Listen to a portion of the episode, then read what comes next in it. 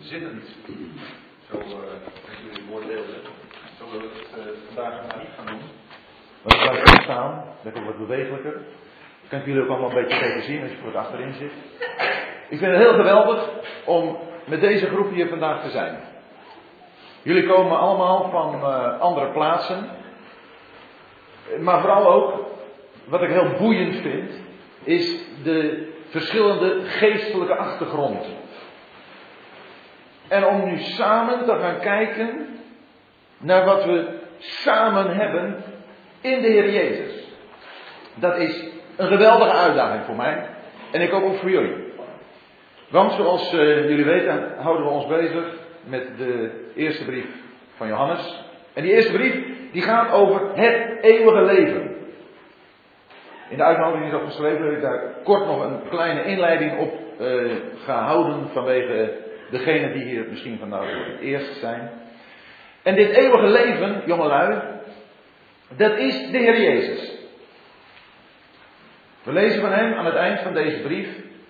Hij is de waarachtige God en het eeuwige leven. En het eeuwige leven, dat is het deel van ieder die in de Heer Jezus gelooft.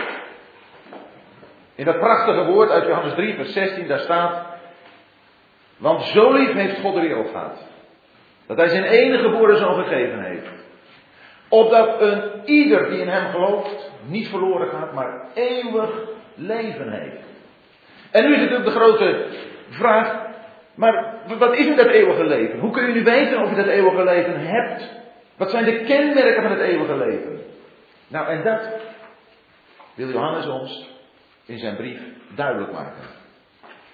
Er zijn hier van verschillende geestelijke achtergronden. Er zijn er die nog, nog twijfelen aan het, uh, aan het geloof, aan, aan hoe kun je zeker weten een kind van God te zijn? Hoe kun je zeker weten het eeuwige leven te hebben? En er zijn er die, die weten dat. Maar ook als je het weet, dan kun je zo gemakkelijk wat wegzakken. Je kunt zelfs in die zekerheid een soortje genoegen vinden en daarbij het besef, het, genot ervan volkomen het oog verliezen. Dat hij hier zo weinig meer zegt. En wat ik vandaag ook graag zou willen, ja, terwijl ik het over zit te praten, ik ben heel enthousiast. Dat is dat we met elkaar weer gaan genieten van het eeuwige leven. Dat we met elkaar weer gaan zien wie de Heer Jezus is. Want Hij is dat leven. En dat je samen, door naar Hem te kijken, ook dat getuigenis in deze wereld kunt geven. En vooral, ja, dat de Vader, als Hij naar, naar ons kijkt, dat Hij denkt, jongen, daar gaat mijn zoon. Maar dat is tenslotte wat de Vader wenst. Zoals hij van de Heer Jezus gezegd heeft, deze is mijn geliefde zoon, in wie ik mijn welbehagen gevonden heb. Zo wenst hij ook dat van ons, en natuurlijk niet in die volkomenheid, maar toch te zeggen, dat zijn kinderen in wie ik mijn welbehagen heb. Daarvoor voedt hij ons trouwens op. Hij wil ons allemaal maken tot zonen, en dat geldt voor broeders en zusters, tot zonen in wie hij een welbehagen heeft. En dat kan hij alleen hebben naar de mate dat de Heer Jezus in ons zichtbaar wordt. Maar Johannes, die, uh, Johannes heeft het er eigenlijk niet zozeer over in hoeverre dat, dat zichtbaar wordt, niet de mate waarin dat duidelijk naar voren komt. Maar Johannes heeft het erover over het feit. Ik heb de eerste keer gezegd, dat heeft mij altijd heel erg geholpen uh, om deze brief, die zo, zo heel radicaal in zijn uitspraken is, die zo heel zwart-wit is, dat heeft mij geholpen deze brief te begrijpen, door een vergelijking te maken, als je iets wil onderzoeken, wat het in, in werkelijkheid is. En dan denk aan, als je water wil onderzoeken, wat nu precies water is, ik ben helemaal geen chemicus, maar goed, ik heb wel eens een beetje natuurkunde gehad. Of worden het bescheikunde, die ook weet niet eens. Als je wil water wil onderzoeken, dan moet je niet slootwater nemen. Ook niet koffie. Want het is wel voor een heleboel percentage water. Maar er zijn elementen in die dat water vertroebelen, die dat water niet in zijn klarheid en helderheid laten zien. En zo is het met het eeuwige leven. Het eeuwige leven dat jij hebt, dat ik heb, ik hoop, elk van jullie, en, en als het nog niet zo is, als je dat nog niet zeker weet, dan hoop ik dat je aan het eind van de dag die absolute zekerheid zult hebben.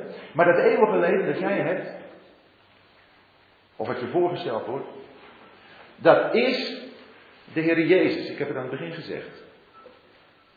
En dat eeuwige leven, dat werkt in de Heer Jezus op een volkomen wijze.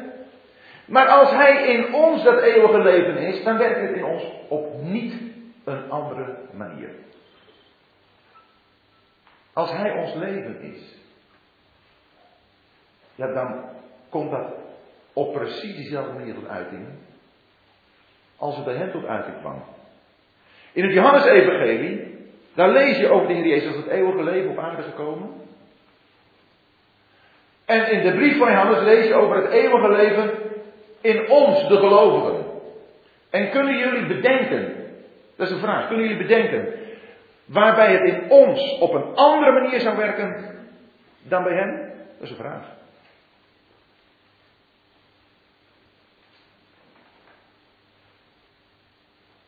Doodse stilte. Heel goed, dat niet bedenken. Want in mij werkt het niet op een andere manier dan hem. Dat bij mij nog veel is wat dat vertroebelt, dat is waar. En wat er bij jullie veel is, waardoor het niet zo zichtbaar wordt, dat zal zo zijn. Maar in deze brief gaat het erom dat de kenmerken van het eeuwige leven, dat is liefde, Gehoorzaamheid. Broederliefde. Dat heeft te maken met het licht. En alles wat van de wereld is, duisternis is, de duivel is, de boze is, wat haat is, dat is volkomen vreemd aan dat leven. Dat gaan we ook bekijken zo in deze brief. Hoe kun je weten of je eeuwig leven hebt? Waaraan herken je dat? Wel, dat is wat Johannes aan kinderen, kleine kinderen in het geloof, wil duidelijk maken. Want Johannes is er niet op uit om dingen twijfelachtig te maken, maar Johannes is er juist op uit om dingen duidelijk te maken. Zodat je weet, dit is het. De vijand die wil dingen twijfelachtig maken. Die wil altijd maar dat je met jezelf bezig bent. Maar in jezelf zitten vroeten. En maar denkt van ja maar dit en ja maar dat. En Johannes zegt, luister goed. Het gaat mij erom dat je gaat kijken naar de Heer Jezus. We gaan even nog die beginversen lezen van 1 Johannes. Want dat is een prachtige start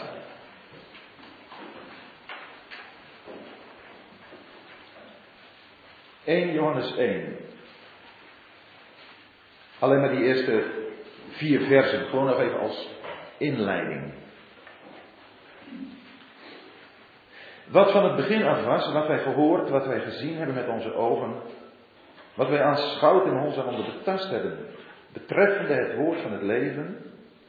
En het leven is geopenbaard en we hebben gezien en getuigen en verkondigen u het eeuwige leven dat bij de Vader was en ons geopenbaard is. Wat wij gezien en gehoord hebben, verkondigen wij ook u, opdat ook u met ons gemeenschap hebt. En onze gemeenschap nu is met de Vader en met zijn Zoon, Jezus Christus. En deze dingen schrijven wij u, opdat onze blijdschap volkomen is. Waar begint het mee? Met, met de Heer Jezus. Van wie Johannes zegt, zoals hij en ook zijn mede-apostelen, wat ze gezien hebben, gehoord hebben, met hun handen zelfs betast hebben, betreffend voor des levens. Dus Johannes die gaat spreken over de Heer Jezus. En dan maakt hij in de volgende versen duidelijk dat alles wat met de Heer Jezus te maken heeft, het leven, het eeuwige leven, dat daar geen enkel raakvlak is met de duisternis. God is licht. En in hem is het geheel zijn duisternis. En dat wat je mag beleven in het licht, dat het gebaseerd is op het bloed van de Heer Jezus. Lees je ook in hoofdstuk 1. Wij wandelen in het licht. Vers 7. En dan hebben we gemeenschap met elkaar. En het bloed van Jezus, zijn zoon, reinigt ons van alle zonden. Dus alles wat hier staat, dat is niet iets wat jij moet doen, wat ik moet doen, waar, mensen iets aan kunnen doen. Wat hier staat, dat heeft te maken met de Heer Jezus en met zijn werk. Johannes stelt het ons dus voor in Christus. En daar, daar gaan we vandaag naar kijken. Naar de Heer Jezus.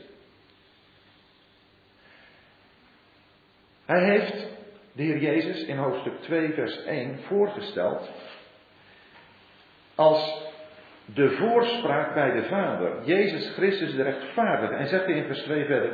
En hij is het zoenoffer voor onze zonden. Niet voor onze zonden alleen, maar ook voor de hele wereld. We hebben daar vorige keer uitvoerig met elkaar bij stilgestaan wat dat betekent. En als je dat uh, nog eens wil uh, naluisteren, dan kan dat. Want dat uh, staat op de website www.oudesporen.nl. Onder audio kun je het zo even naluisteren. Heel erg belangrijk om te beseffen dat de Heer Jezus het zoenoffer is geweest. En dat je weet dat daardoor je zonden vergeven zijn. En dat als er nu nog iets is in jouw leven. Daarom zegt Johannes dat hier in hoofdstuk 2, vers 1. Als iemand gezondigd heeft. Want dat kan. Je kunt als kind van God zondigen. Dan heb je een voorspraak bij de Vader. Dan mag je weten dat de Heer Jezus daar is voor jou. Om jou bij de Vader, als het ware, in gedachtenis te brengen. En, en waar de Heer dan zegt. Maar voor die zonde ben ik gestorven. Die zonde, daar heb ik oordeel over gedragen. Wel, dan moet je natuurlijk nog wel tot beleidenis komen. En die beleidenis, daar wil hij dan ook ons toe brengen. En het mooie voorbeeld hebben we in Petrus, die uh, toen hij de Heer verloochend had, tot driemaal toe zelfs. Maar de Heer Jezus had al gezegd, Petrus, ik heb voor jou gebeden dat je geloof niet zal ophouden. Dat dan als de Heer Jezus daar voor zijn ondervragers staat, dan lees je dat zo terecht, Lucas, dan kijkt hij naar buiten en ziet hij Petrus aan. En Petrus herinnerde zich het woord van de Heer. En hij ging naar buiten en weende bitter. Dan komt hij tot berouw. Dat is ook het werk van de Heer Jezus. Want waar gaat het om, jongelui, dat als je gezondigd hebt, dan is je relatie met de Vader verstoord. En hoe kan die relatie weer in orde komen? Wanneer jij je zonde beleidt. Dan kun je weer omgang hebben. Dat is in een gezin ook zo hoor. Als in een gezin kinderen of een kind iets doet wat niet goed is, dan kan een vader, kan een moeder dat kind op dat moment niet vriendelijk aanhalen. Nee, dan zal dat kind zich bewust moeten worden dat het verkeerd gedaan heeft. Daar zal het ook soms straf voor moeten krijgen. Maar dan moet een kind dat ook erkennen. Als het kind dat erkend heeft, dan wordt het weer in de armen gesloten. En zo is het ook met onze relatie met de Vader. Het verbreekt de het, kindschap niet. Je, blijft een kind van God als je dat één keer bent. Maar het genot ervan, het, het omgaan met de Vader, ongestoord, dat is dan verstoord. Wel, dat zijn elementen die Johannes hier in het begin van zijn uh, brief aan ons voorhoudt. Dat is wat kinderen van God gemeenschappelijk hebben. En nu gaan wij lezen waar we aan toe zijn en waar we vandaag vanaf uh, hoofdstuk 2, vers 12 mee verder willen gaan. Dan willen we nu gaan lezen in 1 Johannes 2, vers 12 en ik, uh, ik lees maar tot vers 27, hoewel ik denk dat we in deze eerste studie beslist niet zo zullen komen. Ik zou u vertellen, ik ga er niet doorheen jagen. Want wat hier staat is zo allerbelangrijkst dat ik dat in alle rust wil doen. Maar nogmaals, ja, Martin heeft al gezegd, ik wil het ook nog een keer zeggen. Als je een vraag hebt, alsjeblieft breek in. Even roepen of, zeggen, ik heb een vraag of, hoe bedoelt u dat als ik niet duidelijk ben? Alsjeblieft, doe het. Ik eh, vergeet best wel eens eventjes te vragen. dat uh, zal mijn enthousiasme zijn, moet ik maar niet kwalijk nemen, maar schroom ook niet om in te brengen. In 1 Johannes 2, vers 12, daar beginnen we te lezen. Ik schrijf u kinderen omdat de zonden u vergeven zijn, terwille van zijn naam. Ik schrijf u vaders omdat u hem kent die van het begin af is. Ik schrijf u jongelingen omdat u de boze overwonnen hebt. Ik heb u geschreven kinderen omdat u de Vader kent. Ik heb u geschreven vaders omdat u hem kent die van het begin af is. Ik heb u geschreven jongelingen omdat u sterk bent en het woord van God in u blijft en u de boze overwonnen hebt. Heb de wereld niet lief, nog wat in de wereld is. Als iemand, in de wereld, als iemand de wereld lief heeft, is de liefde van de Vader niet in hem.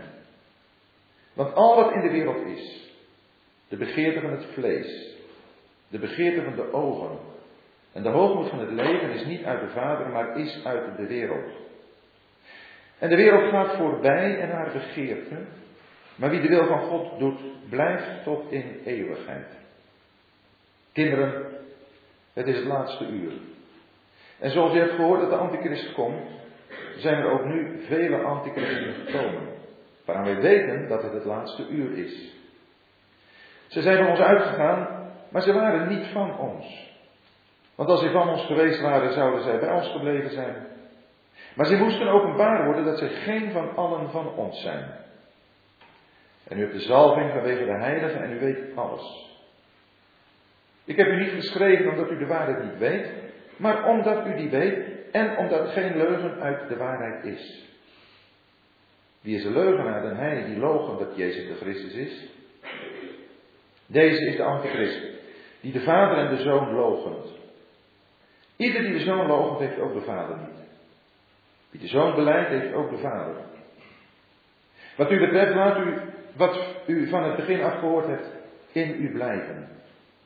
Als in u blijft wat u van het begin af gehoord hebt, dan zult u ook in de zoon en in de vader blijven. En dit is de belofte die hij ons heeft beloofd, het eeuwige leven. Dit heb ik u geschreven over hen die u misleiden. En wat u betreft, de zalving die u van hem ontvangen hebt, blijft in u. En u hebt niet nodig dat iemand u leert. Maar zoals zijn zalving u over alles leert, en waar is, en geen leugen, en zoals zij u geleerd heeft, blijft u in hem. Johannes die eh, begint hier eigenlijk een beetje een nieuw onderwerp. Want als we hebben vastgesteld dat hij alle kinderen van God aanspreekt, dan heeft hij het over die familie. We zijn kinderen, dat, dat, is familie van elkaar. Johannes heeft het over de familie van God. En familie ben je als je dezelfde ouders hebt. Dan ben je een gezin, dan ben je broers en zussen van elkaar. En al Gods kinderen zijn familie van elkaar, want ze hebben dat nieuwe leven, ze zijn uit God geboren. Ze hebben God als vader. Maar net als in een gewoon gezin, heb je ook in de familie van God, in het gezin van God, om even zo te zeggen, ook verschillende groeistadia. We hebben gelezen over kindertjes, de baby's in het geloof. We hebben gelezen over jongelingen. En we gelezen over vaders. Die drie groepen, die hebben we in de familie van God. En jullie, ja, ik, ik weet niet, ik, ik zou maar zeggen, jullie vormen allemaal een beetje of baby's, Degene die vast tot geloof gekomen zijn. Of misschien ook als je al iets langer de Heer kent, jongelingen. Vaders lijkt me een klein beetje, een beetje hoog gegrepen al. Hoewel je soms ook in je persoonlijke leven wel eens iets kunt beleven. Maar dat zijn vaak dan even momenten of, of een heel korte periode. Iets kunt beleven van wat een vader beleeft. Ik kom er zo op terug. Maar eerst even deze drie groepen waarin Johannes de familie van God indeelt. Maar voordat hij daarmee begint, zegt hij eerst iets algemeens in vers 12. Hij zegt eerst, ik schrijf u kinderen, omdat de zonden u vergeven zijn ter wille van zijn naam.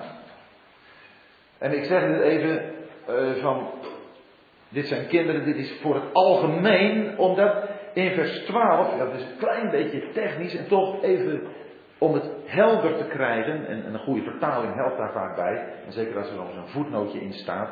Ik heb hier de zogenaamde Telos-vertaling, de beste vertaling die ik ken, ik maak er altijd een beetje reclame voor. Om, ook vanwege die voetnoten wel. Maar hier in, in vers 13, als daar staat, ik heb u geschreven kinderen, dan staat er het woord kindertjes. Een jonge nakomeling. Terwijl in vers 12 kinderen het algemene woord is voor kinderen in een familie. Of je nu een, hele. Een, ik, ik, ja, ik ben nu uh, iets in de 60, ik ben van mijn moeder nog steeds kind. Maar in de familie van God heb je dus die kleine kinderen, die jongelingen en die vaders in het geloof. Maar deze drie, die allen kinderen zijn, daarvan staat in vers 12 als een algemeen kenmerk. Ik schrijf u kinderen omdat de zonden u vergeven zijn ter wille van zijn naam. En jongelui, en ik, ik weet dat er zijn die daar moeite mee hebben, daarmee worstelen. En daarom wil ik hier toch even heel sterk de nadruk op leggen wat hier staat. De zonden zijn u vergeven. Wanneer zijn je zonden vergeven? We hebben gelezen, of het lezen in het voorgaande hoofdstuk. We gaan het nog een keertje doen. In vers 9, in 1 Johannes 1 vers 9. Als wij onze zonden beleiden, hij is getrouw en rechtvaardig om onze zonden te vergeven. Die vergeving krijg je wanneer je die zonden beleidt. Heb je die zonden beleden? Oh, als je met, ook met jongelui praat en zegt, ja, mijn zonde, ja, ik heb ze wel beleden, maar heb ik het wel goed genoeg gedaan? Eh, voel ik het wel diep genoeg? Eh, heb, ik wel, heb ik wel al mijn zonden beleden? Dat zijn allemaal van die uh, problemen die je jezelf naar jezelf toetrekt. Want hier staat in 1 Johannes 1 vers 9, als wij onze zonden beleiden. Gaat die over de diepte? Gaat die over de omvang? Het gaat niet over het aantal. Het gaat erom of jij beleidt. Of je elke zonde die je weet, beleidt. En er zullen best zonden zijn die je helemaal niet meer weet. Maar als de Heer iets duidelijk maakt, dat je die beleidt. Dat je leeft in een houding van, zodra de Heer mij duidelijk maakt, dit is verkeerd, wil ik het beleiden. Want ik wil niets hebben tussen mij en hen. En dan mag je weten dat die zonden je vergeven zijn. Niet omdat jij ze allemaal hebt opgenoemd. Niet omdat jij een heel diep gevoel van ellende daarover hebt. Hier staat ter wille van zijn naam. God vergeeft niet vanwege de grootheid, de grootheid van je zonden. Niet vanwege het diepe zondenbesef dat je hebt. God vergeeft ter wille van zijn naam. Kun jij je iets indrukwekkenders voorstellen dan dit? En lees goed, hè? Er staat niet God vergeeft, of, God doet de zonden weg. Het, het wegdoen zou, zou een bepaalde, dat doet hij ook natuurlijk, zou een bepaalde daad zijn. Maar als hier staat vergeven, dan voel je iets van het hart van God. Hij vergeeft. In de Bijbel lezen we dat God een vergevend God is. Als je hier leest dat de zonden zijn vergeven ter wille van zijn naam, dan gaat het niet om een daad, maar om de gezindheid van God. Dan gaat het niet om zo te zeggen om zijn handen, maar om zijn armen en zijn hart. Een prachtige illustratie vertelt de Heer Jezus in Lucas 15. Als daar die verloren zoon terugkomt. Wat zie je dan? Dat de vader hem tegemoet gaat.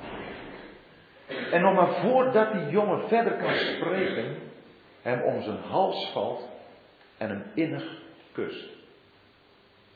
Dat is vergeven. Dan ga je helemaal verloren in de liefdevolle armen, in het liefdevolle hart van deze vader. Hij vergeeft ter wille van zijn naam.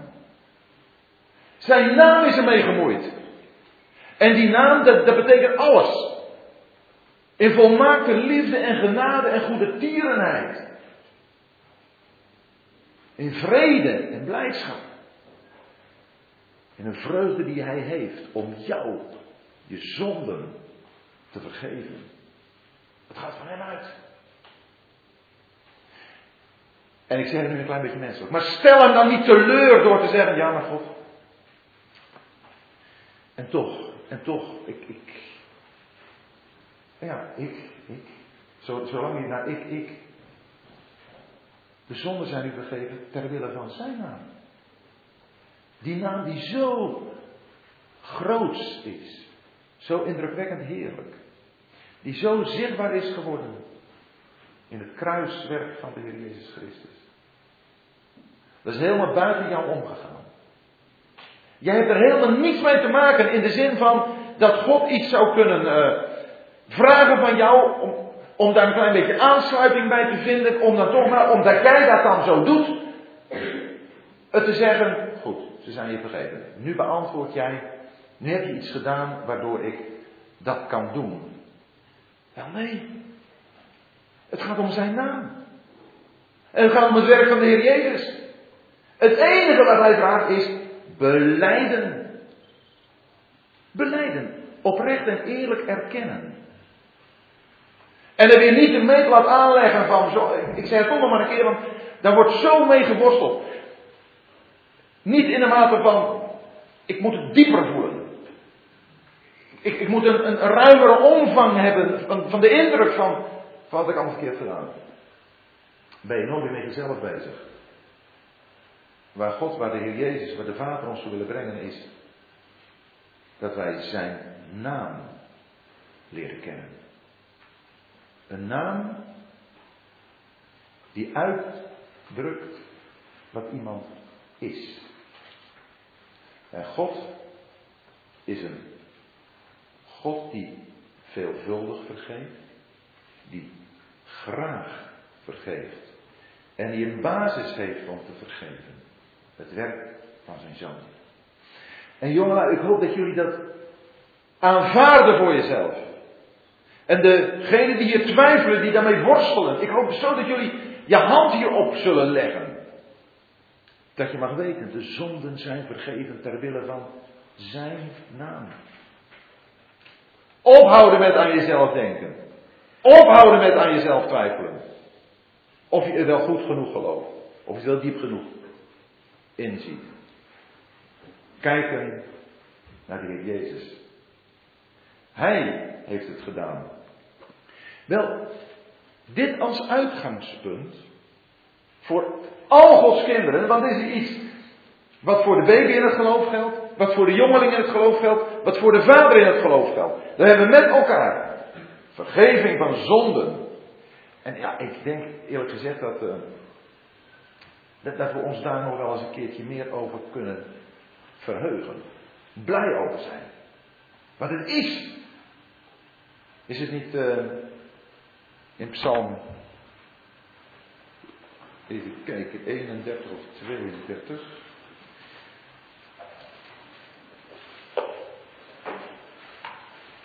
Ja, in, in Psalm 32, ik wil het toch even bijlezen.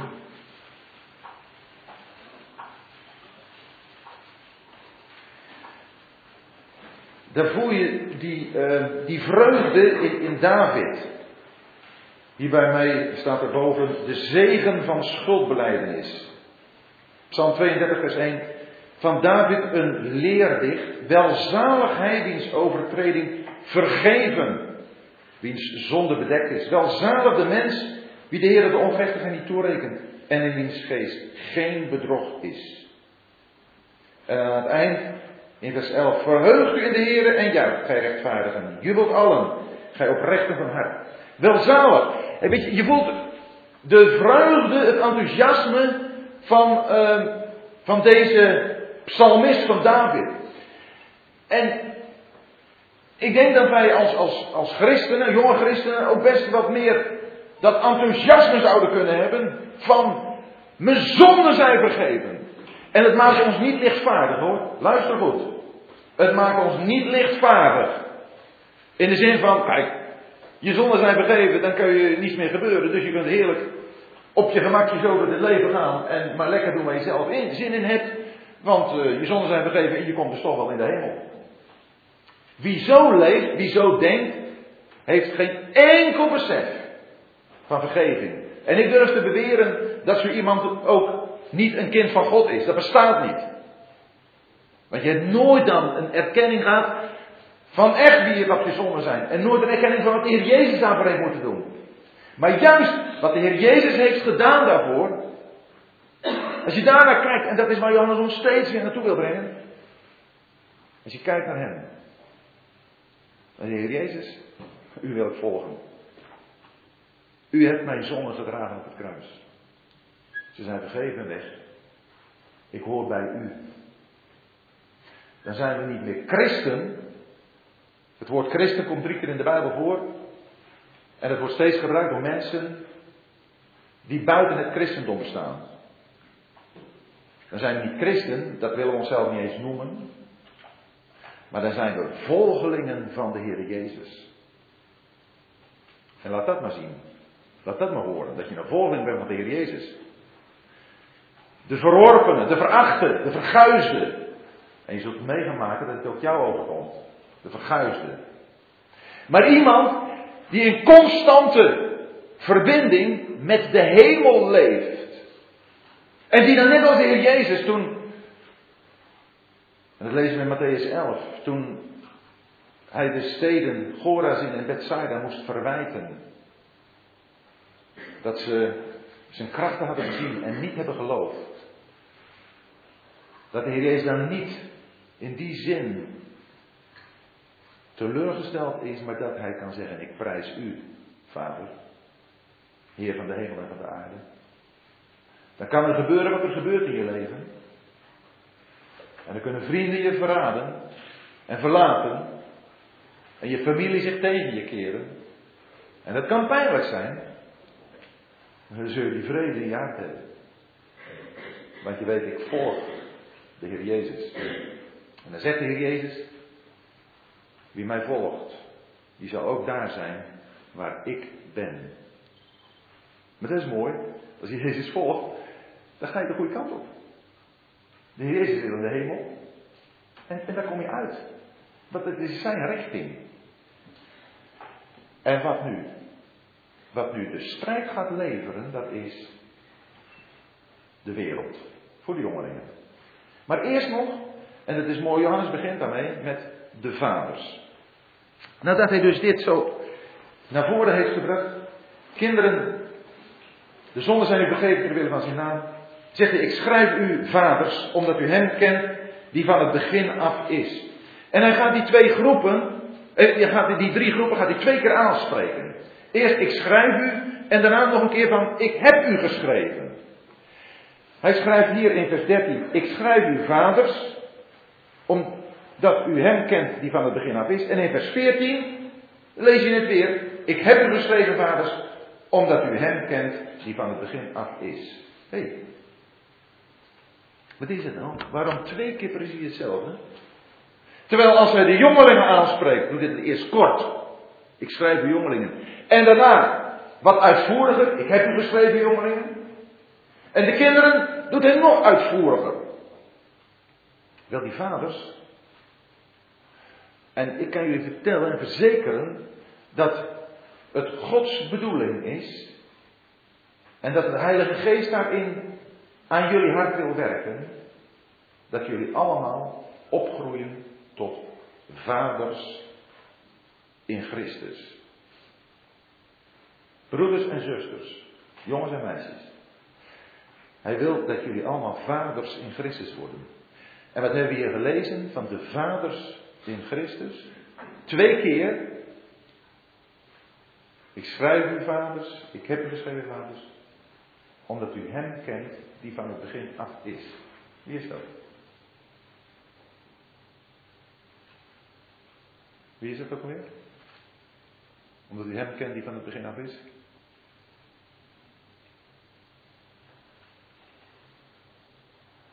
De Heer Jezus. En we aan het begin van, dit, uh, van deze brief gelezen. Dat is de Heer Jezus. En wat wil dat dan zeggen? Omdat u Hem kent die van het begin af is, dat betekent voor die vaders is niets anders meer belangrijk dan Christus. Alles heeft zijn betekenis verloren voor de vaders in Christus. De jongelingen, ja, die hebben nog zoveel perspectief, die hebben nog zoveel, ook, ook strijd daardoor. De duivel heeft zijn verleidingen daarvoor. Als we over de kinderen hebben gelezen dat de antichrist komt en de vele antichristen die er nu al zijn, die proberen jonge gelovigen, baby's in het geloof, in onzekerheid te brengen, twijfelachtig te maken, valse leringen op de mouw te spelden. En die zijn er gevoelig voor. Maar vaders in Christus niet. Nee, vaders in Christus niet. Een vader in Christus, die komt niet onder de indruk van een verhaal over een, Jezus die, die best wel een goed begin heeft uh, gemaakt. En, en, die best wel uh, goed is om dingen van te leren. Maar, dat is maar een begin hoor. Er is veel meer. En die willen dan proberen dat je naar die valse leer gaat luisteren. En, en jongelingen, en vooral baby's, die, uh, die zijn toch wel geneigd om, om naar een mooi verhaal te luisteren. Wel, we krijgen nog dat ook de baby's in Christus niet uh, zomaar onderuit hoeven te gaan bij het eerste beste mooie verhaal dat ze horen. Maar voor de vaders in Christus is dat gevaar er niet. Die hebben genoeg aan Christus. En ik kan jullie vertellen, natuurlijk, ik ben ook jong geweest en ik voel me nog ontzettend jong. Maar toen ik echt jong was, zo van jullie leeftijd, ja, toen was er ongelooflijk veel wat mijn aandacht had. En wat, wat heel erg uh, aanspraak op mij deed. Waardoor ik als het ware een, een, verleiding voelde om toch mee te gaan, mee te doen. En, en ik ben er ook wel in meegegaan. En zeker een vader in Christus is niet zonder verleidingen. Oh nee, zodra een vader in Christus denkt dat er geen verleidingen meer zijn, gaat hij onderuit. Maar ik weet wel dat Christus alles is. En volkomen genoeg. En dat ga je steeds meer merken. Hoe meer het leven achter je komt te liggen, des te meer denk je, ja, waar heb ik me toch eigenlijk voor druk gemaakt? En jullie moeten je druk maken en inzetten voor heel goed ding hoor. Denk er goed om. Maar het gaat er even om, om waar je belangstelling, je interesse naar uitgaat. Hoe je je leven beziet in welk perspectief. Wel, dan is voor een vader in Christus alleen Christus genoeg. Dan maak je je niet meer druk om zoveel aardse dingen. Waar je als jong mens best voor in mag zetten, maar waar ook tegelijkertijd gevaar groot is dat je je daar helemaal op gaat toeleggen. Daar helemaal door opgeslokt wordt.